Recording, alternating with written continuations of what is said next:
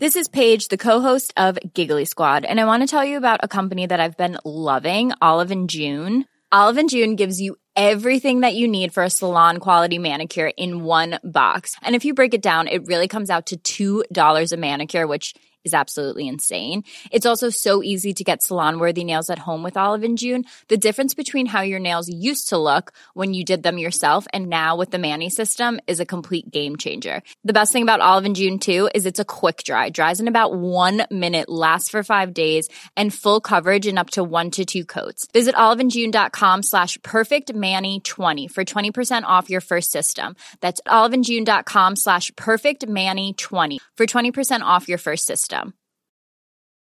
Mom deserves the best, and there's no better place to shop for Mother's Day than Whole Foods Market. They're your destination for unbeatable savings, from premium gifts to show-stopping flowers and irresistible desserts. Start by saving 33% with Prime on all body care and candles. Then get a 15-stem bunch of tulips for just $9.99 each with Prime. Round out Mom's menu with festive rosé, irresistible berry chantilly cake, and more special treats. Come celebrate Mother's Day at Whole Foods Market. When you're ready to pop the question, the last thing you want to do is second guess the ring. At Bluenile.com, you can design a one of a kind ring with the ease and convenience of shopping online. Choose your diamond and setting. When you find the one, you'll get it delivered right to your door. Go to Bluenile.com and use promo code LISTEN to get $50 off your purchase of $500 or more. That's code LISTEN at Bluenile.com for $50 off your purchase. Bluenile.com code LISTEN. Ja, Øystein, åssen går det? Det går bra. Det går bra. Jeg driver og skrur. Så nå eh, tok jeg en pause fra mekkinga i garasjen og er inn i studio. Nå er det gått ei uke. Ja, det er gått ei uke. Ukene går fort, men eh, jeg syns det. det. er kjempeartig. Jeg begynte, å, jeg har begynt å høre litt pod igjen. Det har vært litt sånn podtørke nå i koronatida, men eh, nå har jeg begynt å høre litt igjen. Så nå har jeg catcha opp også på, på Spikes, og så har jeg hørt en del Scootspod. Ja, Har du fått igjen dine gamle rutiner, eller laga nye? Nei, jeg laga nye. Jeg har gjort det. Du har laga nye rutiner, ja. Men, men det er jo stort Ja. sett eh, når jeg kjører bil, altså. Det, det som jeg sier, jeg greier ikke å kon... Jeg greier ikke å Jeg er jo mann, jeg greier ikke å gjøre mange ting på en gang, så jeg greier ikke å høre så mye jeg kan si, avansert bilprat mens jeg skrur bil. Det greier jeg ikke. Da blir jeg ukonsentrert. Jeg Mener du nå at dette her er å kaste kjepper i hjula for Mekke-Norge? Det vi driver med? Nei, nei, nei. Det er bare jeg som er dum. Ok.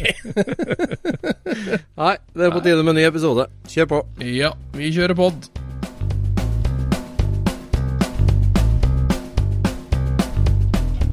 Du lytter nå til Scootspodden, en norsk podkast om klassisk bil med Jon Roar og Øystein.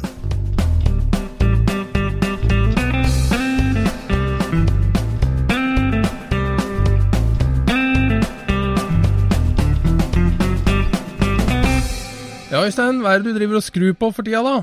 Ja, nå ruller jeg inn eh, nytt prosjekt da, i, i dag, i kveld. Um, og det er den Viger-kupeen min. Den uh, boblekupeen som vi bygde for Det er jo jammen 15 år siden, vet du. Men uh, jeg har jo brukt den mye Ja, Tida går fort. Tida går fort. Jeg fortsetter jo kampanjen med vårrengjøring i, i samlinga, så nå kjørte jeg ut den der Calluckeren min da i går. Og da prøvde jeg et sånt gammelt jungeltriks for å få opp eh, Det siste jeg gjorde med den, da, var et gammelt Ja. jungeltriks. Mangosalat med olivenolje. Jeg primært olivenolje. Dette er et sånt triks fra det derre, eh, miljøet i Norge, emaljeskiltmiljøet. Uh, det er jo et belasta miljø, ikke sant? og der driver de jo mye med for å få opp gamle, matte originalfarger. Da. Og der gnir de altså skilta inn i olivenolje. Virgin mm. oil. Ja, ja, ja. Eh, og det har jeg prøvd på Calluckeren, og det so far so good. Det, var, det, det ble et kjempebra resultat sånn med en gang. Nå er jeg spent på hvor holdbart det er. Men jeg ble Ja. veldig fornøyd. Mm. Han ble sterkere i fargen da? Eller Ja, klarere farge på den? Veldig, veldig klar farge. Som jeg vaska Men ble det, ble det ikke klissete og sånt, da? Eller? Nei, nei, altså Jeg, jeg vaska den skikkelig godt først, og tørka den. Kjørte den inn i verkstedet, så sto den en dag og tørka helt opp. Og så eh, tømte jeg rett og slett olivenolje på, da, i dråper som du polerer nesten. Tømte på dråper. Og så Ja. hadde jeg fille der jeg gnei det utover. Ikke sånn Ikke polering, men eh, liksom eh, Men kjente gnei du liksom at Kjente du liksom at det ble trakk inn, eller forsvant, eller Ja, varte det veldig langt? Ja, det, det trakk inn veldig. Jeg måtte tømme på utrolig mye. Altså, det ble veldig fort tørt, for å si det sånn. Oh, ja. Så, så jeg ja, nærmest vaska hele bilen i olivenolje. da. Eh, Men kluten ble jo gjennombløt jeg hadde på plasthansker og sånn, så, så den ble eh, ordentlig fyldig lag. Og Så lot jeg den stå i to-tre døgn med, med det. Da var så den jo liksom nyvaska ut og våt hele tida. Mm, Men så gikk jeg på med en sånn mikrofiberklut, da, en lofri mikrofiberklut, og, og tørka den tørr, på en måte. Og det var, det var overraskende lite som kom i den kluten. Altså. Den ble liksom ikke ja. blaut. Altså, når jeg la det på, så måtte jeg nærmest vri opp den kluten jeg la på med. Men mm. så tørka hele bilen tørr med en klut. Og, og da Han, han ser jo på en måte Jeg kaller det nypolert. Han er ganske blank hvert da. Men veldig fin i fargene. Altså, den derre- det er jo litt sånn signwriting på den bilen, i mørkegrønn og, og liksom rusta og eh, kjedelistene og alt ble liksom en sånn deilig hinne på, alt sammen. Alt ble eh, Ja. veld, veldig fornøyd med det. Så- ja. Men det Det gjenstår å, se, gjenstår å se da, om man suger til seg støv, eller om man blir skjoldete, eller hvordan det blir. Men eh, det virka veldig bra. Mm. Så den trilla jeg ut i går, og nå triller jeg inn eh, 52 mil Viger-kupeen. Så den har jeg begynt å grave litt i nå i kveld. Skal du smøre inn den med olje òg, da, eller? Jeg må jo det. Den er jo bart metall i 15 år, da. Bare Ovatrol. Jeg har jo tørka over den da med en gjennomblaut Ovatrol-klut en gang. Men han begynner, det begynner å komme gjennom overflaterust ganske mye. Altså, han har litt tyfus, han har det. Ja. Så- ja. Men eh, ja, det bytt batteri på den, og bytt motorolje og gå over den litt. Og så skal jeg ut på årets eh, første kjøretur i morgen. Nei, ikke årets første, det er jo feil. Men eh, vi skal på en liten sånn ekskursjon i morgen, en liten boblegjeng. Mm. Det blir tøft. Grusvei-sightseeing. Kun grusvei. Og vi har funnet en lang, hyggelig etappe forbi masse små vann og vann. Og tar med termos og piknikkurv. Det blir trivelig, vet du. Mm. Det høres bra ut, det. Vi var jo på en liten runde i går. Da var vi jo på Sita. Ja, det lever i beste velgående. Ja da, Sita lever i beste velgående. Altså, det het jo BVBV i gamle dager. Det gjorde det, husker det. Nå, nå kaller vi det bare for Sita, for det er det hamburgersjappa heter. Men det må være på 20. året det òg nå snart, eller? Eh, ja, det må det jo rett og slett være. For det Ja. kom jo før SSC, så det Sånn er det. Tenk på det. Ja, Det er utrolig hvor, hvor lenge det holder ut. Ja. Ja, Nå så jeg det at til og med Sita var inne og lika innlegget på, på Vestfoldklubben. De eh, Ja. la ut noen bilder fra parkeringsplassen, og så plutselig er Sita Matbar inne og liker bildene. ja, for det der handler det jo om Trofaste at kunde gjennom 20 år. ja. Siste torsdagen i måneden så er det burger og folkevognprat. Første. Første. Mm, Burger og folkehåndprat utafor Sita matbar i Lierbyen. ja. Og nå Ja. med sosial distanse, da. Ja. Så Men det, det er artig, det, altså. Vi var Ja. vel en 15 biler eller noe sånt, ja. ja. Det var såpass, ja. ja 15 biler og én sko. En sko. Det kom en glassfiber joggesko, på, bygd på boble bomplate. Nei. Hæ? Jo, det er sant det. En, en, en, en full-size eh, Rebook, får vi kalle det. Nei, ja, det er ikke bare at du driver og mobber en buggy, altså. Du, det, det var faktisk Nei, sko. nei, det var en glassfibersko. Nei. Og kjempe, kjempeartig sak, som var bygd i Stavern på eh, I 98. Ja? Og, lis, og lissene på den, det var eh, brannslange. Nei. jo. Det var dritgøy. Ja, var det skilt på han og lovlig? mest, eller? Nei, det var, det var ikke det, vet du. Men uh, han hadde prøveskilt, da. Ja, ja. Man, det er jo kjent at du må jo prøve skoa før du kjøper den. Ja, det må Det må, må gås Ja, inn det- litt. mm. Ja, det er konge. Var det som i gamle dager, at det var litt burning på siste etappen, eller? På Sita? Eh, ikke som jeg fikk med meg. Nei. Akkurat. Folk har blitt litt mer sedate. Eh, det, er, det er ikke så mye burning og street racing lenger. Men eh, jeg så jo noen bilder her i ettermiddag med deg og en venn av oss ut og hente buss. Altså SSC-bussen.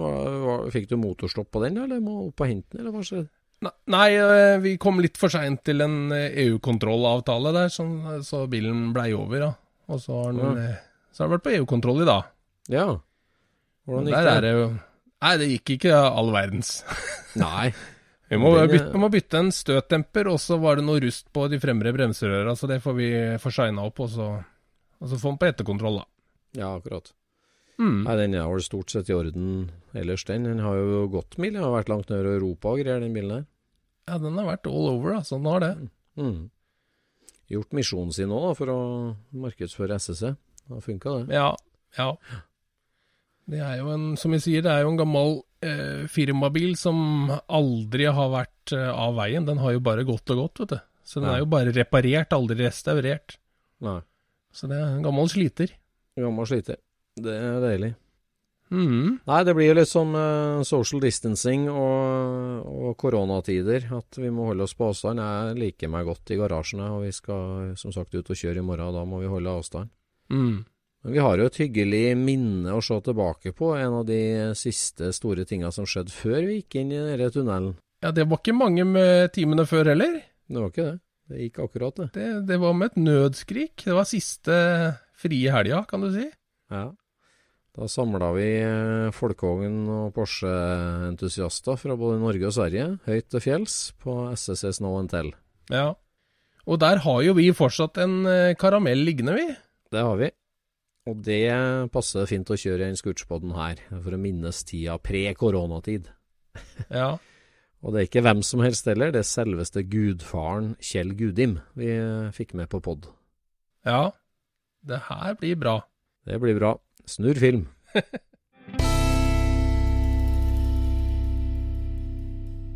Ja, da skal vi over en litt sånn eh, spesialepisode av Scootspodden her, for vi har fått celebert besøk, i noen år. Det har vi. Og eh, nå har vi vært sammen noen dager og blitt bedre kjent, og det er en stor glede og en ære å, vel, eh, å ta imot her på Scootspodden selveste Kjell Gudim. Velkommen. Takk for det. Kjell Gudim har kjørt starta i over 1000 starter i racerløp over hele Norden, og, og England og Europa. Du har kjørt aktivt bilsport i over 65 år, og du har meldt deg på fire løp nå til sommeren òg. Det er en utrolig Ja, karriere, Kjell. Så lenge jeg orker, så gjør jeg det. Det, Ja. er, det er like moro fortsatt. Ja, for det syns du det er like moro fortsatt? Ja, absolutt. Kjører du like fort da, fortsatt? Jeg tror jeg gjør det, men på klokka går det nok litt saktere. Ja, skjønner. skjønner. Herlig. Bare nå, nå i sommer, da. Det, hva slags løpsbil stiller du med nå for tida? Jeg, jeg kjører i løp nå, så kjører jeg med en 80-modell Porsche. Ja. Ja. Og jeg vet Porsche har du en. Bilene skal være 30 år gamle for å kjøre veteranklassen. Ja, sånn er det. Ja. Kjører Charlensløp, og det er Charlensløp da med orientering, transporttrapper og spesialtapper. Akkurat. Jeg skjønner. Og det er med kartleser. selvfølgelig. Ja, Finner ikke veien ellers. Nei. Nei, det er herlig, for du kommer jo eh, Du er jo en mann i din beste alder, og du kommer jo fra en tid der, eh, der motorsportsutøvere i Norge var, var jo nærmest måte, datidens gladiatorer. For å si det sånn, det var jo en, virkelig en folkesport som trakk enorme mengder publikum. Det, motorsport er jo stort i dag òg, Petter Ja. Solberg og sånn, men det er klart på den tida, det, da, var, da var det en mye større greie også i samfunnet. Så du, var jo, du hadde jo din egen fanklubb, du, Kjell. Ja, det hadde jeg. Den kom, ble større og større utover, så jeg klarte ikke å, å svare på all posten. Så jeg overlot det til andre å svare på, sende bilder og sånt forskjellig tilbake igjen. Du gjorde det, så du, du, du, dere drev og svarte på det? Ja da. Ja, gjorde det. Ja. Nei, det er herlig. Nei, jeg husker tilbake til 1938. Ja. Det, da var jeg seks år. Det, det er det eneste jeg husker. Da var på tur med min eh, far og mor. Og faren min hadde kjøpt ny Skoda. Og så skulle vi ut og prøvkjøre den litt. Eller Tok en tur til Kongsvinger. Der var det grusvei og svingete og fæle veier. Faren min kjørte først, og så skulle moren min kjøre. Og moren min kjørte, kjørte litt fortere, og faren min sa nå må du ta det med ro, for her er mye løsgrus, så kan restgrus skli av veien. Og før han sagt det, så sklei vi rett av veien og rulla ned en behagelig liten skråning og kom ned på hjula. Så det var min første rundehvelv av 13 ganger på taket. Og da satt du i baksetet på Skodaen, og ikke noe barnesete eller sikkerhetsbelte? Nei, ingenting. Ikke noe i det hele tatt. Så var det bare knust. Mitt sidevindu ble knust, og moren min hang opp et varetrekk der, så jeg ikke trekke så fælt og kjørte hjem igjen. Ja. Så det gikk fint. Ja, og bilen var lite bulker. Ja. Faren min skrøt av den Skoderen. Det var håndbanket karosseri, så antagelig tykkere plater, tror, jeg da. Ja, akkurat. Så det å være med på et sånt rundvelt som føltes bare helt eh, ufarlig, det, Ja. det, det satte ikke noe støkk i det. ja, Så kom vi da fram til min 18-årsdag. Før det så hadde jeg tjuvlånt en del, del biler av faren min. da. Ja. Han merka det til slutt, for at jeg brukte en del bensin. så da merka han det. Hvilket, Men- års, hvilket årstall fylte du 18? Vi snakker om ja, 18-årsalderen før 16-årsalderen. Kjørte motorsykkel først, og så gikk det 18-årsdagen. Formiddagen Ja. møtte be- sjåførlæreren min på bensinstasjonen på Nesbru. Og så kjørte vi øvelseskjøring inn til Oslo, til Biltilsynet, og så fikk jeg lappen. Det kosta ca. 50 kroner. Fort gjort. Og så kjørte skynda jeg meg hjem, og der sto bilen til faren min, Chevrolet Fleetline. La oss kjøre til Stockholm på St. Eriksmessa, og dro av gårde dit. Og så satte faren min opp en lapp på dashbordet 'Husk venstrekjøring i Sverige'. Ubegrensa tillit fra far, da, som bare stiller familiebilen til det langtur, disposisjon, første ja, dag. Ja da. Kjell hadde du allerede rutine på den bilen. Ja, men jeg prøvde den i billøp, en NAF Østløp, for første gang. Ja. Fikk jeg låne bilen til faren min. Ja. Men det var første og siste gang jeg fikk låne den bilen i løp, i hvert fall. Det er helt sikkert. Det var 40 mils løp som NAF, NAF hadde. Og var ferdig klokka tre om natta. Og bare søla dritt. Og tenk deg en bil så så kjørte jeg den hjem og sto på gårdsplassen. Og da fikk jeg klar beskjed første og siste gang den bilen jeg gjorde i løp. Så. Men det var ikke første og siste gang du kjørte løp? Nei, det er helt sikkert. Ja, du, For da var veien kort ned til Dælenga på, på kjøring? jeg kjørte med motorsykler men ned til Dælenga hver onsdag, eller- eller ikke annen onsdag, for å se på Basse VM og de gutta kjører. Og når jeg var ferdig med Dælenga, så satte jeg på motorsykkelen, og da tror jeg jeg hadde verdensrekord fra Dælenga ut til Nesbru hver gang. Ja. Og den tida gikk ned og ned og ned da, for hver onsdag. det gjorde det. Ja. Skjønner, men eh, så ble det jo din første bil, og du første billøp. Ja, min første bil det var som sagt en Ford 35-modell toseter med Sigmor-sete.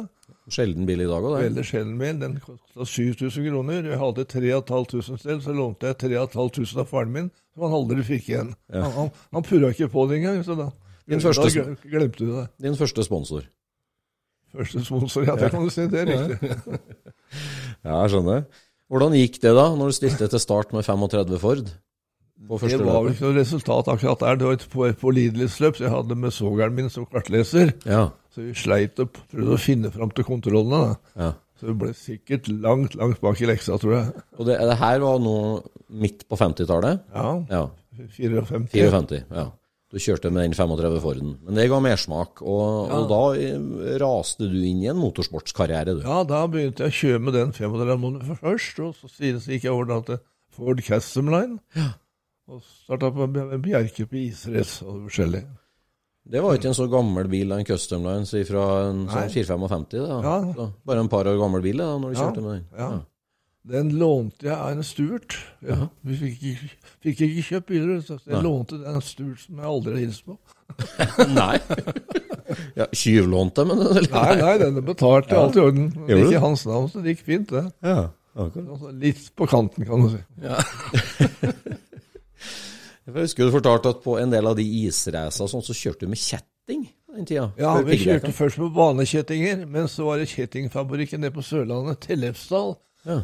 Han lagde en spesialkjetting med en ring på ca. diameter på en 6 cm. Ja. Og på den ringen var festa da fire sveiset til fire sånne pigger, som var ca. 15-16 mm på hver ring. Og den sto da på midten på dekket. Ja. Og det satt jo bedre, men det hadde mye plunder med kjetting. Det banka, slo, mista kjettingen, slo inn i skjermer overalt. Det fikk ikke Stuarten vite noe om. Nei, ingenting. Akkurat. Etter Custom, nå, nå begynner vi nærmest slutten av 50-tallet, tidlig 60-tall. Ja. Og da eh, fikk du vel innkalling til den tsjekkiske ambassade? var ikke sånn? Innkalling, jeg fikk innbydelse. Innbydelse, Ja da. Det da viste det seg etterpå at det var en tsjekker som fra ambassaden var rundt og så på løpene du kjørte. For å finne ut tre sjåfører han kan tenke seg å ha til å kjøre Skoda. Ja. Og så fikk vi innbydelse til tsjekkiske ambassaden, tre mann av oss. Og vi kom dit og ble godt mottatt. Og skulle få Skoda ferdig trimmet for halv pris, ca. 8000 kroner. Og så fikk jeg en flaske vodka, og så fikk jeg et glass med pølser. Og så sjekk til å kjøre Monte Carlo. En sjekk til å Da var jeg helt ekstase da jeg kjørte hjem med den kontrakten der. På det, Ung gutt og får sånn fin avtale. Ja. Ja. Ønskedrøm. Det var en drøm. Ja, ja. Så da kjøpte du ut en splitter ny rallyrigga Skoda, da. ja. Og dro rett til Monte Carlo, eller? Dro rett til Monte Carlo. Jeg kjørte et par løp småløp, og så rett til Monte Carlo. Men Skoda ble jo, en, ble jo et sterkt bilmerke i Norge, det. altså Akkurat i de tidlige tider med kjøpetillatelsen som Ja, frigitt da, og sånn, så det var en go et godt markedsføringsgrep. Det var en bil med fire hjul på. Det var det. Ja, ja, for det Men du kan diskutere komforten i den bilen. Den var laber. Enn med egenskapene som racerbil, hvordan var det? Ja, det kan du se, men den var veldig stiv og fæl å kjøre. Når Ja. jeg kjørte på autobahn, fikk du 120, da hadde jeg følelsen at jeg kjørte på annetgir. Kan du tenke deg? Ja. Bråka så fælt i bilen. Vi ikke snakke sammen, det var bare tull. Ja, Men du kom opp i Alpen, så gikk det veldig fint. Lavt gira, alt i orden. ja. ja skjønner. Og så kom vi da ferdig med første løpet, rally Monte Carlo. Så var det lagt opp da en prøve nede på kaia i Monte Carlo. En Ja. åttetallsprøve. Den skulle kjøres to ganger. Masse publikum. Ja, masse publikum, turister og publikum. Og og svært 80-tallet. Og så kjørte jeg ganske eh, hardt i første omgang, så tenkte jeg å satse litt mer. Det lå vel ganske Jeg tror jeg lå på tredje eller fjerdeplass til første omgang. Og så satsa jeg litt mer, men da satsa jeg litt for mye. Så da Ja. rulla jeg rundt på taket og kom ned på hjula. Ja. Foran masse tilskuere midt i Monaco. Ja, når du ser på bildene, så så folk helt nærme. Det var ikke mer enn fire-fem meter unna publikum. Så, Men da var du alene i bilen, du hadde ikke kartleser da, eller? Nei, Nei. Nei. nei. Og det gikk helt fint med deg? nei, det gikk veldig fint. Men eh, som sagt, eh, jeg hadde glemt å ta opp eh, vinduet på min side. Ja. Så jeg subba armen ned i betongen akkurat i grunt. ja. Og da ødela jeg hadde helt ny skjorte på meg, så jeg ødela skjorta mi. Og så et sår, så måtte jeg ha plasterlapp på albuen. ja. Så Det like blid. Like blid. Så det er det jeg skada meg i bilsport. I, for, i, for, I forhold til elsykkel som jeg holdt på å ta livet av meg her i fjor. Så 65 år med bilsport eh, og en skjorterift. Ja, Men så, men så var det ribbeinsbrudd med sykkel. Da brakk jeg tre ribben. Ja, Så da ble jeg fratatt sykkelen min av dattera mi og, og, og kona mi. Det er jo helt utrolig. Jeg tenker på sikkerhetssystemene i dag i bilsport. Det er klart farten var en annen, men eh, Ja, aldri en, aldri en ordentlig skade. nei, Da var det bare å fortsette, da. det er bare flaks. Ja, dyktighet må det være. Du vet, jeg er litt forberedt. Jeg har vært i grøfta mange, mange ganger. Mm. Den vanlige mann, hvis han kom på kanten, så overvinner seg med en gang. Men hvis jeg kommer på kanten, så styrer jeg mest mulig unna og prøver å gjøre det beste umulig. Så jeg får gå den veien ut, loddrett ut. Jeg heller vri bilen og så rulle den veien isteden. Ja, skjønner. Ja, altså rulling, rulling i Skoda, det hadde du jo erfaring med, og det fikk du inn med morsmelka, du. Bokstavelig talt. Ja, jeg falt med moren min, som sagt, men hadde, hadde en rulling før det òg. Ja, det. Ja, du ble vant til det. Mange ganger har du vært på taket, vet du det, eller? 13 ganger inklusiv min mor. Ja. 13 ganger. ja, jeg skjønner. Nei, og så Da jeg var ferdig med rullingen, da, så ble det tatt masse bilder der nede i Monte Carlo. Mhm. Og alle disse turister vil gjerne ha bilder. Og de bildene ble solgt av en fotograf i Monte Carlo sentrum. Og så skulle jeg ha tak i de bildene. Og han kunne ikke et ord engelsk, han kan bare fransk, og jeg kan ikke noe fransk. Og der sto vi og krangla, så det er meg på det bildet. Nei, ja, du måtte betale, jeg fikk det ikke gratis. Men han tjente penger på det. Ja, ja. Ja, jeg tjente penger på bilen etterpå, ja, det var en annen, annen, ting. Ja, da, nå er du virkelig i gang, tenker jeg, med altså, sponsa av Skoda da, og der, og du gjør eh, Ja, stor så kom jeg hjem med dette vraket, da. Ja. Jeg kjørte hjem, vi bare la meg inn i forsetet og trykka opp taket, så vi fikk litt mer eh, høyere under taket. Og så tok jeg opp en plastikkrute, og så teipa den på, og kjørte hjem til Norge. Når jeg kom hjem til Norge, så var jo alle interessert i den skåla, da, ikke sant? Og gått rundt på Monte Carlo. For det her var jo da i, i, i Dagbladet eller i avisa i Norge, det ja, allerede. ja, Det var journalister der nede som tok bilder hele tiden. Ja. Og da solgte jeg den for 8000 kroner, som jeg hadde selv betalt for, sånn som han sto med bulker og alt mulig. Og flere kjøpere, for 8000. Og så hadde jeg forsikra bilen i et dansk selskap, da fikk jeg 8000 av dem, så jeg tjente 8000 for rulleballer i Monte Carlo. Og hadde vodkaen og pølsene. De, de har du gått med, kanskje. Vodkaen den var fin. Ble det noe med Skoda da, eller? Du, du solgte det vraket, det var en kort Nei, jeg kjørte, jeg fikk en Skoda til, det, Ja. jeg kjørte med hjemme. På både israce og grusbane. Og så ble jeg, da fikk jeg tilbud eh, om et møte med Harald Møller, Møller, Jan Møller og reklamesjefen og PR-sjefen. Og da hadde jeg et ønske å satse litt på bilsport. Det var, da, Hvilket- det hvilket var år det 19, år 1961. Det var det året Volkswagen kom med gule bl- blunklys. Ja, ja stemmer. Akkurat gule blinklys, og det var, mm, det var slutt på kjøpetillatelse, og bil, privatbilsalget Ja, var i ferd med å ta av. ja. Så selvfølgelig ville de posisjonere seg da Ja, og, med motorsport. Eller, ja, det var et bra grep. Du ble kalt inn, for du hadde jo da, vi hadde jo en merittliste å vise til med Skådan da allerede. Ja. Hvordan hevda Ja, altså, hvordan var det møtet med Harald A. Møller? Og, Veldig koselig og fint møte. ja, Jeg fikk eh, frie tøyler til å bestemme selv hvordan hvilken bil jeg skal kjøre, og hvor jeg skal kjøre. ja. Så det var veldig fritt og fint opplegg. Var det det? Akkurat. Så hadde jeg læreguttavdelingen hos Harald. Møller som gjorde stand bilen, med to formenn der. Og alle disse læregutter syntes det var veldig moro å skru på rallyvogner. Ja. Ja, ja. Men, så øh, så da, fikk, du- da fikk du et tilbud om å få billig bil, på en måte? Og, Nei, jeg fikk låne bil. Du fikk låne bil? Ja, jeg skjønner. Biler. Ja, biler. Men satt du deg da ned og på en måte spekka opp ei rallyboble da, og sa at vi må gjøre dette, dette, dette, dette? Ja, da måtte jeg begynne å trimme en boble. Så jeg fikk da kamaksler og deler fra Scania Avis i Sverige. Og vi måtte bygge og forsterke bilen litt, og, og lette bilen samtidig. Det her er jo sånne ting som vi folkevogn- og bilnerder er veldig interessert i. Akkurat, altså, hva, slags grep, hva ble gjort med den første si, møllerbygde rallybobla da i Norge? Hva, hva slags bil var det, den første du fikk? Det var en eh, 1300, eh, 1200 år først. Ja, 1200? Den, den ble byttet ut ganske fort, for da kom 1300, og Ja. ja, det var mer motor. Men den, den aller første, da, for nå sa du i 62, etter det Ja, møtet, ja. Første møtet ditt. den, den aller første bobla du kjørte da Ja. etter 62, Ja, eh, hva, hva var det for noe? Det var en 1200? En helt ny bil, eller? helt ny- bare nye biler. Ja. bare ny bil. Så de tok en splitter ny bil, tok den inn på verkstedet Ja, og bygde den om litt, sånn at ja den skulle passe til forsterka deg. den og letta den litt, litt samtidig. Ja, letta den, fikk på Du kjørte, kjørte grusbane, så hadde du Citroën-stoler å sitte på eh, foran i bilen. Du var nødt til å ha to seter. da. ja. Baksetet kasta vi ut, så satte vi det inn sitt regelsete. tilhørte en 2CV. Gjorde det?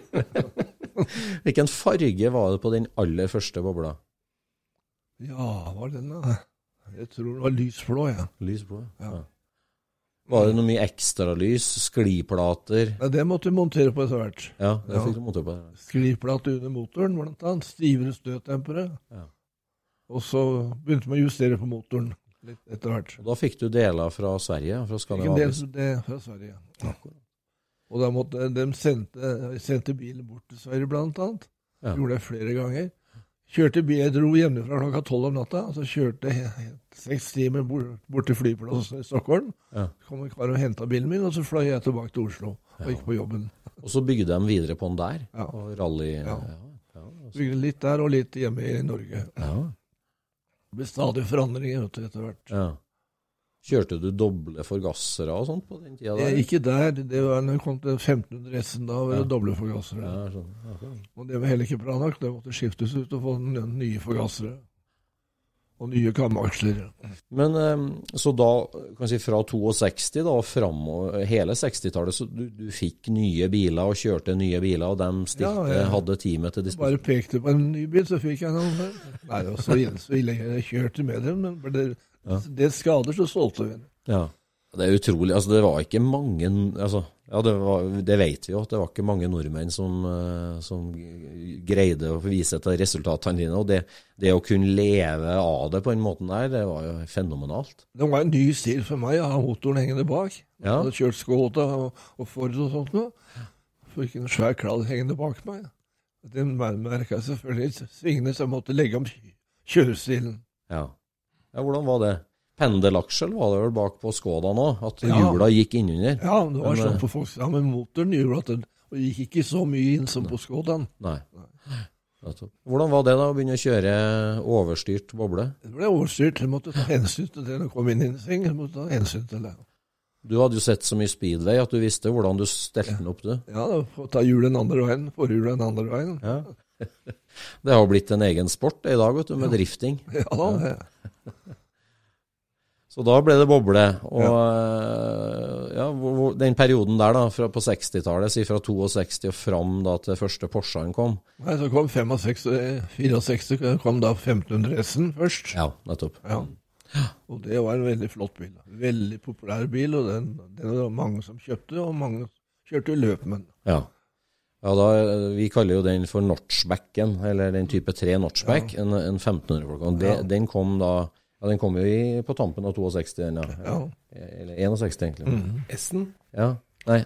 Han 63 Notchbacken kom jo tidlig, men, men S-en kom vel noen Ja. år etter, gjorde den ikke det? 1500 S, ja. Ja, den kom først, og så kom en TL Trøsse, som Ja, som ja. på. Ja, ja TL-en, for det, den varianten uh, Når den kom, den, den prøvde du å rally, men det var ikke noe suksess. Nei, Nei, fastbacken er varianten, det var stasjonsvogn, det. Ja, nei, unnskyld. TL, det er den som vi kaller for fastback, det. Mm. Uff, jeg tuller meg helt bort. Det går bra.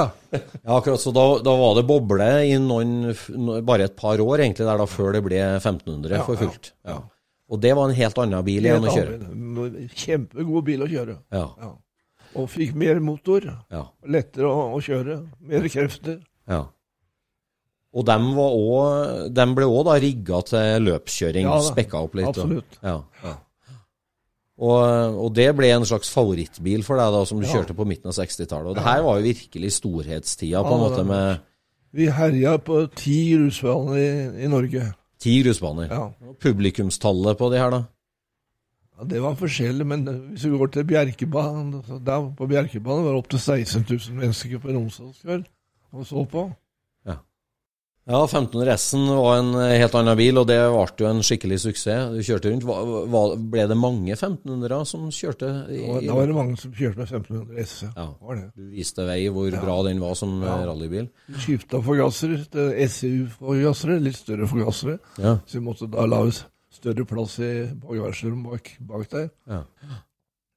Akkurat, og det var, det var Møllers sitt verksted som gjorde alt det der. Ja, ja, alt sammen. Og du hadde med deg mekanikere derfra rundt. Og... Ja, jeg kjørte. Du har aldri skrudd noe særlig sjøl? Nei, jeg er ikke noe teknisk. Absolutt ikke. Nei. Jeg holdt meg til kjøringa. jeg. Kjører til det stopper, og så er jeg ferdig med det. Og da var dere rundt i Norge. Israce, grusrace, Ja, Bakkeløp, bakkeløp. økonomiløp. Hva likte du best da det? Jeg likte meg best på grusbane og isbane. Ja. Bakkeløp syns jeg er veldig kjedelig. Sitte oh, ja. og kjøre alene opp en bakke. Ja. Det er ikke snakk om å Føreren det er snakk om å ha mest motor. Ja, ja det er jo det. Og um, jeg si asfaltrace, det kjørte du ikke så mye i Norge, gjorde du det? Jeg kjørte i utlandet. Ja, nettopp. Så da, så jeg, var, jeg var i Finland og kjørte. Jeg kjørte i Deutschlandsrally. Monte Carlo kjørte jeg 17 ganger. England, Finland. Mm. Farta rundt omkring. reiste rundt. Det hardeste var i England, RAC-løpet. England Royal Automobilklubb. Ja. Der starta det 400 biler. Og det var grusbane og grusveier. Ikke grusbane, det var bare veier. Ja. Bygdeveier, kjerreveier, asfaltbaner, blanding av alt mulig. Ja. Så da sleit man ut hele bilen til slutt. Men Møller var med på det òg, da? Sirkuset ute i verden, eller? Ja, jeg bestemte sjøl jeg skulle kjøre. Ja. De sa du skal kjøre der eller der. Jeg kjørte det, jeg har lyst til å kjøre. Ja. Men de ville gjerne ha resultater. ja. Du var ikke mye hjemme i helga og Nei, jeg var ikke hjemme en lørdag og søndag på ti år, jeg. Helt sikkert. Du kjørte løp hver helg, altså? er det eneste helg fløy jeg dit, eller så fløy jeg dit, eller Nei. Hver helg? Ja. Da kjørte jeg gjerne to løp. Kunne kjøre miniralle minirally først, og så kunne du kjøre baneløp dagen etterpå, f.eks. En annen bil. Så hadde en par biler å kjøre med. Det krevde jo at du var litt fysisk form òg, da. Altså, Ja. Trente du, Ja. liksom, eller? Jeg trente i halve år. Jeg trener tre ganger i uka. jeg. Ja, du gjør det. Ellers blir du veldig gammel mann hvis du ikke trener. vet du. Ja, du har blitt en gang. Holder deg godt, Kjell. Det gjør du. Ehm, så 1500 S-en, da, men så eh, går vi inn i en epoke som, som også vi har, så jeg snakka litt om på poden før, som vi er interessert i det med introduksjonen av de første Porsche 912, 911 til Norge. Ja, For Der hadde jo Møller agenturet. Og hvordan, eh, hvordan foregikk det? Du herja rundt på banene med 1500? Ja, så hadde, hadde de en hvit eh, 912 Mm. stående på utstilling. Så spurte de om jeg hadde lyst til å prøve den. Ja, Og så fikk jeg kjøre en del løp med den bilen. ja. Men det var, for lite power i den bilen, så den ga jeg fra meg etter hvert. ja gjorde det? Ja, takk Ja, for, så, takk så du ville nesten valgt 1500 fremfor 912, du? 1500 1500 S-en, ja. Ja, Ja, ja. Du, du kjørte fortere med den enn med ja, ja. Jeg brukte begge bilene. Ja. Men, men 1500 S-en gikk fortere for deg på banen? Ja, absolutt. enn 912. 912 hadde jo den gamle firermotoren. Ja, akkurat. ja. Men så gjør jo eh, Møller et virkelig grep da i, eh, i 67, når de tar hjem den grønne 911, den Ja. første nye 911 til Ja, Norge. det var vel 66, vel. 66? Mm. Ja, og hvordan foregikk det? Var du med og måte bestemte at dere skulle bestille, at dere skulle bestille en sånn, eller bare Nei, gjorde Møller det? Eller? Møller ordnet alt det tekniske og bestilte bilen. Ja. Så jeg var bare på Sørenga og henta bilen. ja. Splitter ny bil. Splitter ny bil. Og det første jeg gjorde da, var at TV jeg skulle ha bilde av den bilen. Så jeg kjørte opp i Maridalen. Ja. Stengte en vei der oppe. Og dette ble kjørt på TV-en om kvelden. Jeg hadde fått ny bil og Porsche og det hele. vet du. Var det det, ja? Det er en bil som koster 88 000. Det, det var mange penger den gangen. ja. Hvordan var det da? Sette seg bak rattet og fyre opp sekser bak Ja, det var en suksess. Ja, det var det. Ja, du, du, all, du setter deg i en Porsche 911. Alt er riktig. Alt stemmer. Gjør det. Og selv med min lengde, god plass kan godt kjøre med hatt, så god plass er inne i bilen. Så alt er riktig der. Så da var det å møte pressen rett etter de var kommet, Ja, og helt ny. Og ja. første løpet, da, si litt om det. Hvordan var det? Det husker jeg ikke, faktisk. akkurat. Det var så mange løp jeg kjørte, jeg klarte ikke å huske første løpet. Men jeg kjørte, og det var vellykket å kjøre med. Den bare start på en grusbane. Starten gikk, så jeg bare satte Porscha seg ned og så skjøt fram fire-fem meter, og da var det mannen et par meter bak meg igjen. Og en som var et par meter ofte bak, det var Trond Skjea. Trond Skjea og jeg kniva om kapp. Og alle trodde at vi var uvenner. Ja. Det var Skjea, Gudum, Gudum, Skjea. Vi var i Stavanger, Bergen, Trondheim og kjørte. Ja. Så var stadig pressen var rundt oss. Men en gang på Bjerke, en kveldsstevne, og like før jeg skulle kjøre på banen, det var mørkt om kvelden og sånt nå, ja, ti minutter før jeg skulle kjøre på banen der, så kom en guttunge løpende bort til meg, 12-14 år eller et eller annet sånt nå. Du sa 'Kjell, sånn vet jeg har gjort noe?' 'Nei, jeg spytta inn i Binterskjea, ja.' Og så løp han av gårde. Gjett hvilken fanklubb han var med dem, da. Du hadde noen små hjelpere. Ja, og gjett hvilken bil han ville kjøpe seg når han var stor, da. Ja. Han var ikke noe for det. Nei, da, og det ser jo, så jo alle disse fanbrevene du fikk også, var Porsche. Det var Porsche, det var beste bilen som var. da. Til og med jente var interessert i Porschen. Ja, eller deg. Eller, Mm? eller deg, Ja, var var han interessert i. ja. Ja, hvordan, hvordan altså, det, det, hva skal jeg si, det kjendislivet der da, Kjell. Altså, du var jo opptatt av å kjøre bil, og du kjørte Ja. bil, men det, det, da var det jo eh, ja altså, er, Men da var det jo voldsomt sånn kjendis på det. Ja, det var masse i pressen og alt sånt. Spesielt en gang så skulle ride, ridning med familien min. Så leide oss noen ridehester da, og skulle ri litt sånn i terrenget. Så møtte jeg noen mennesker langt inn på skogen der. Nei, men er det Kjell Gurin på én hest, sa de meg. Det glemmer jeg ikke. Nei, men altså Når du da kommer inn på ja, Bjerkebanen, og det er 15 000 tilskuere som står rundt, altså det er dagens Holmenkollsøndag nærmest, Ja. det er fullt av folk, og du, du er jo virkelig den store sirkushesten, for å si det sånn. Det er Ja. superhelten. Det var, Ja, det var Trond og meg som var ja. hele tiden.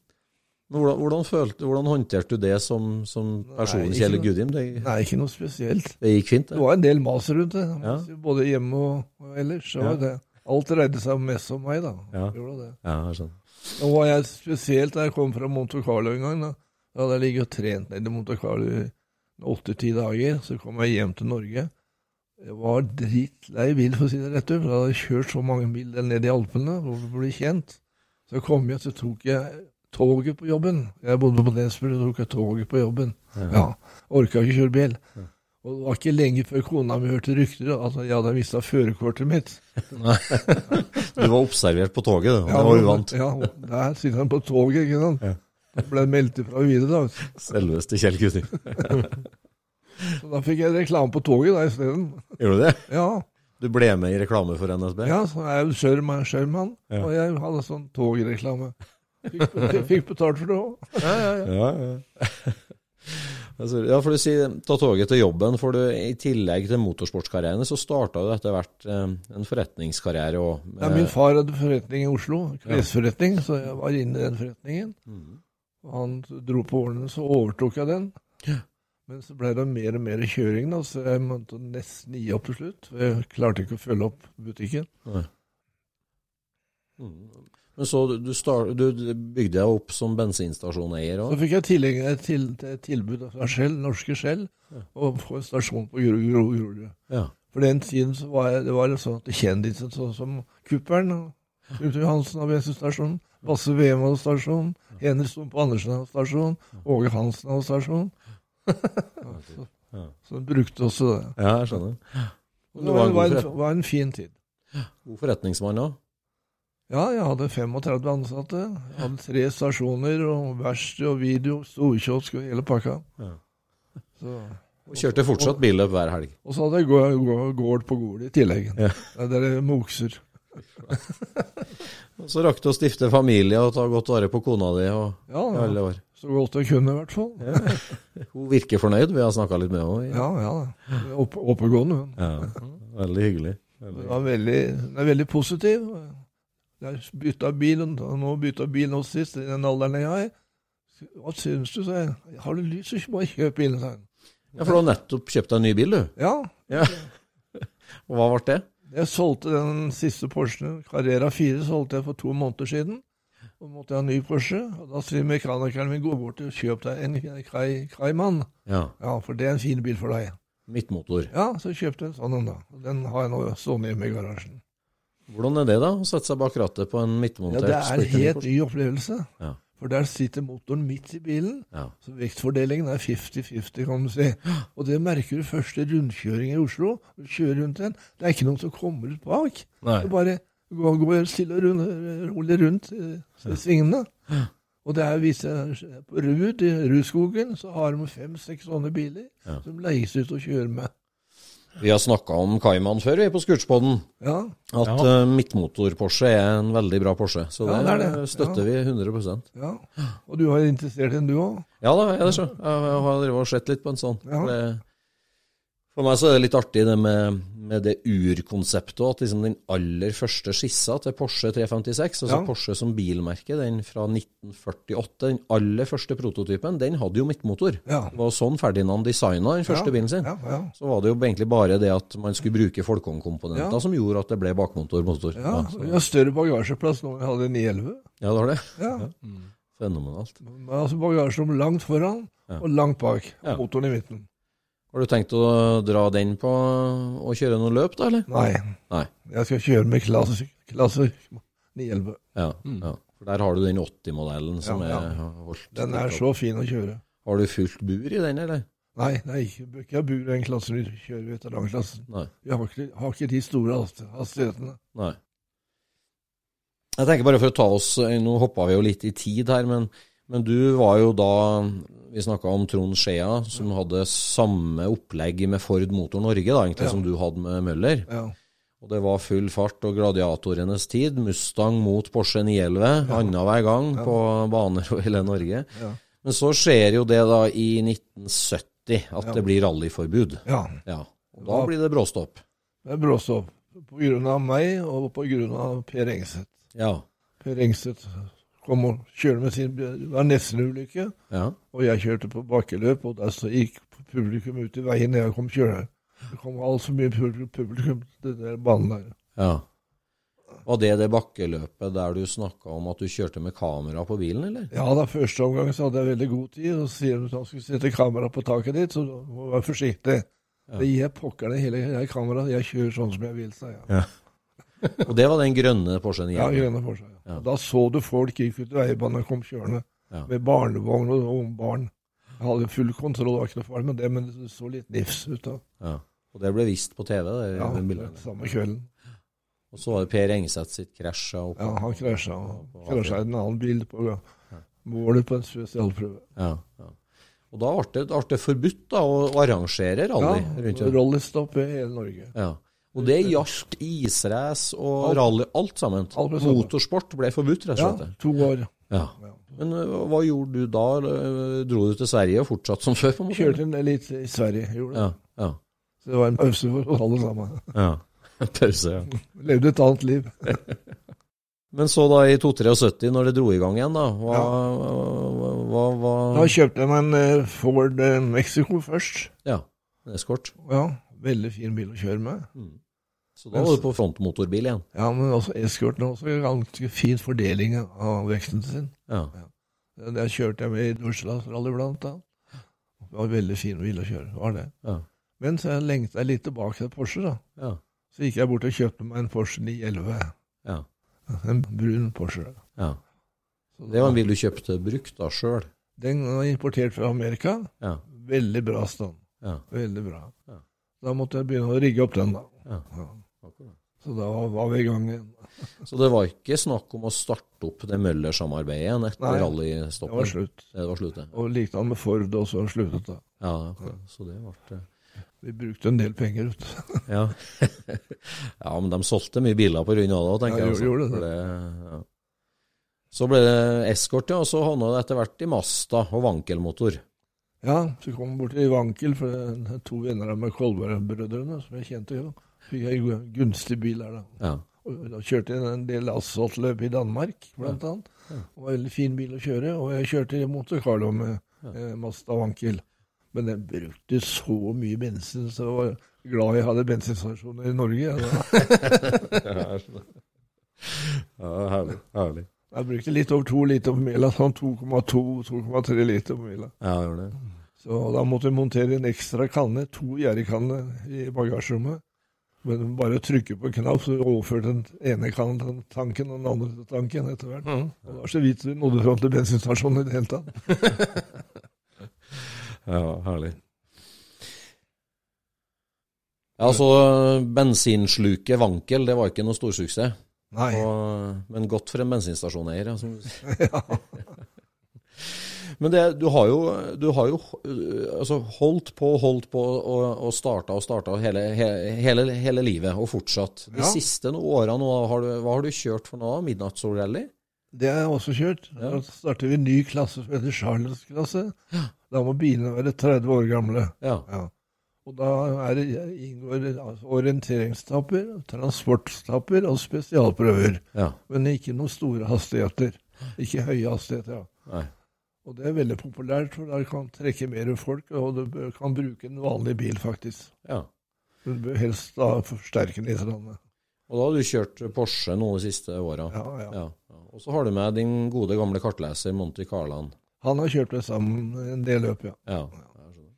Samarbeidet mellom kartleser og sjåfør er viktig. det er veldig viktig. Ja. Monty er Europas beste kartleser. Er det? Han er helt ut, utrolig. Ja. Han kan sitte og regne sammen gærne veien, og du sitter og plundrer den andre veien, får ikke til. Ja. Da, og han kan kjøre orientering. Ja, si, kjør til den der der er kjøtt til høyre, der, jeg tror det ligger et rødt hus der, så du kan ta til høyre der. Sånn. Samme hvor, om du var i Alpene eller i Norge. Ja. Jeg skjønner. Jeg skjønner. Du husker, husker vi til England. Det var en del vi skulle ha med oss som ikke hadde på Skøyen. Folk som var på Skøyen hadde ikke den delen. Ja. Så innom fikk de den nummeret. Jeg skal si ut nummeret. Nei, få nummer, jeg har ikke tid til det. Få nummeret, sa han. Åttesifra nummer, sånn delenummer, vet du. Ja. Og han kom til England, og så bestilte han den delen der borte og kom dit bort. Det hadde han i huet, han. Ja. Lagra det. Kjekt, da. Var det han som fiksa girspaken din under, midt under et rally òg, eller? Nei, det var ikke han, det var en som het Åge Brein. Ja. Hva var det som skjedde? Var det i folkevogn? Nei, Det var eh, Skådan det var Skådan. borte i Finland. For uh, plutselig så dreiv vi av hele girstanga, og jeg er kanskje litt hardhendte med disse bilene. ikke sant? Satt der startet, og så dreiv vi av hele stanga, og så bare, da sto den i anker. Ja. Det var heldigvis en kort prøve, så jeg kjørte da på anker hele prøven, så det gikk jo greit. Men hva gjør du videre? Du har så mye girstang, en på 1 centimeter. Ja, for den, den knakk, rett og slett, så det sto Ja. igjen en liten stubb. Ja, det, det var et rør, dette, et solid rør, den stanga. Ja. Så det var en liten åpning der nede. Ja. Da, da var jeg litt, litt smart. Imponert over meg sjøl. For da sier jeg ta fram en skrutrekker og prøv å komme det nedi der. Ja. Nei, det gikk ikke. Ikke den og ikke den. Så hadde han en svær skrutrekker. Den var for stor. Så ta opp døra. Dette var en transportstrekning på en vanlig strekning. Ta opp døra, så slip den på asfalten. Og han hang utenfor bilen med skrutrekkeren, slipte den tre-fire-fem ganger. Inn og prøvde, og plutselig så datt den ned i hølet. Så, så teipa vi rundt, så hadde vi girstang. Og du kjørte resten av rally med det? Ja. Nei, jeg kjørte ikke hele. Jeg fikk girstang. Servicebilen vår hadde ikke girstang med. Nei, ja, akkurat. er Ikke normal slitedel, det, kanskje? Ja, ja det er mest. Tsjekkisk stål, da, så han tålte ikke Gudims krefter. Og Trond Skia gjorde akkurat samme, han også reiv av girstanga. Gjør det? Men personlig så hadde du et godt forhold til Trond Skia gjennom Ja. ja. Jeg husker en gang vi kjørte baneløp i Trondheim, og jeg forteller det litt morsomt. Og Da gikk jeg, går bestandig bort og ser på starteren hvilken måte han tar opp flagget på. Da bruker vi flagget, ikke lys. ja. Løfter flagget, da går starten. Og i Trondheim på Leangen så var det en mann som starter, og han var veldig tjukk, hadde en svær mave. Og da så jeg Han trakk maven først, og så kom flagget etterpå. Da starten gikk for meg, så jeg trakk maven, og da kjørte jeg. det var på grensen til tjuvstart, men det, men det, Ja, ja, det var- det var noen tideler, ikke sant? Det er maven, så starten. Konge, vet du. Leser kroppsspråk. Jeg gjør bestandig går til å se på starteren og se hvordan han oppfører seg. Så du stemte imot sånn lysstart du, når det ble innført det? Ja, jeg gjorde det. Jeg gjorde det. Det er. Ja, det er veldig bra, Kjell. Det, Jeg hadde også en annen ting hvor det i Finland. Ja. Sier du kjører der, og så sier anføreren min at eh, du, kjeller denne vann her, sier han. Vann, sier det er støvere, det er tørt det er, er helt tørt. Og vannspilleren er tom. Det er ikke noe vann i denne bilen, og bilen er luftavkjølt. Jeg tok den, han viste meg i hånda, her, her, her ser du det er vann. Ja. Jeg så det var vann, hvor kommer det fra? da? Hvor kommer det fra? Og så kom vi fram til service da, og fortalte den i bilen. Ja, sånn.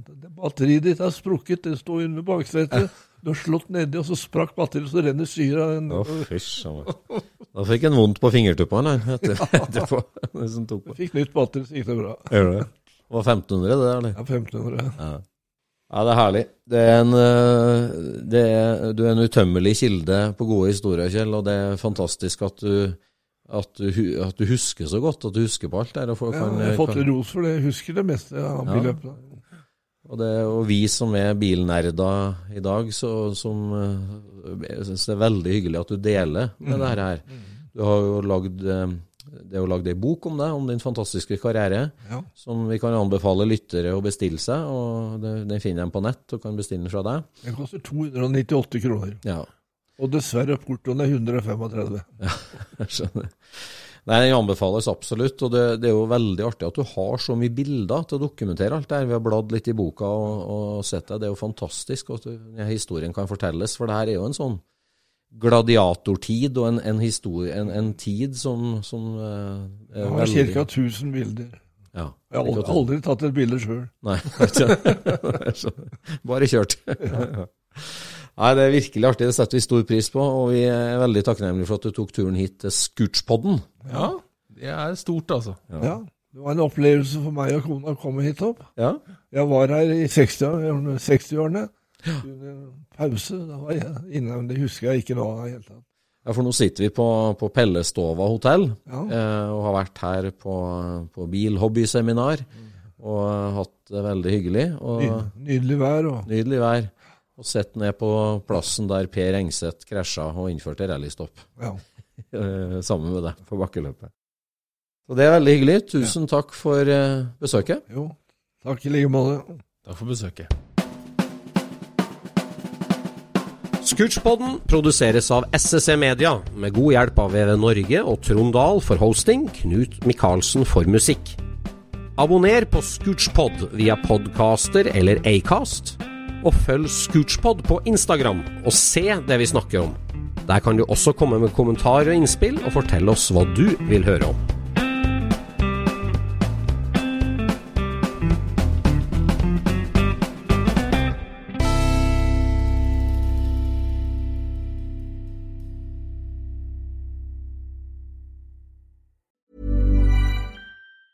Planning for your next trip?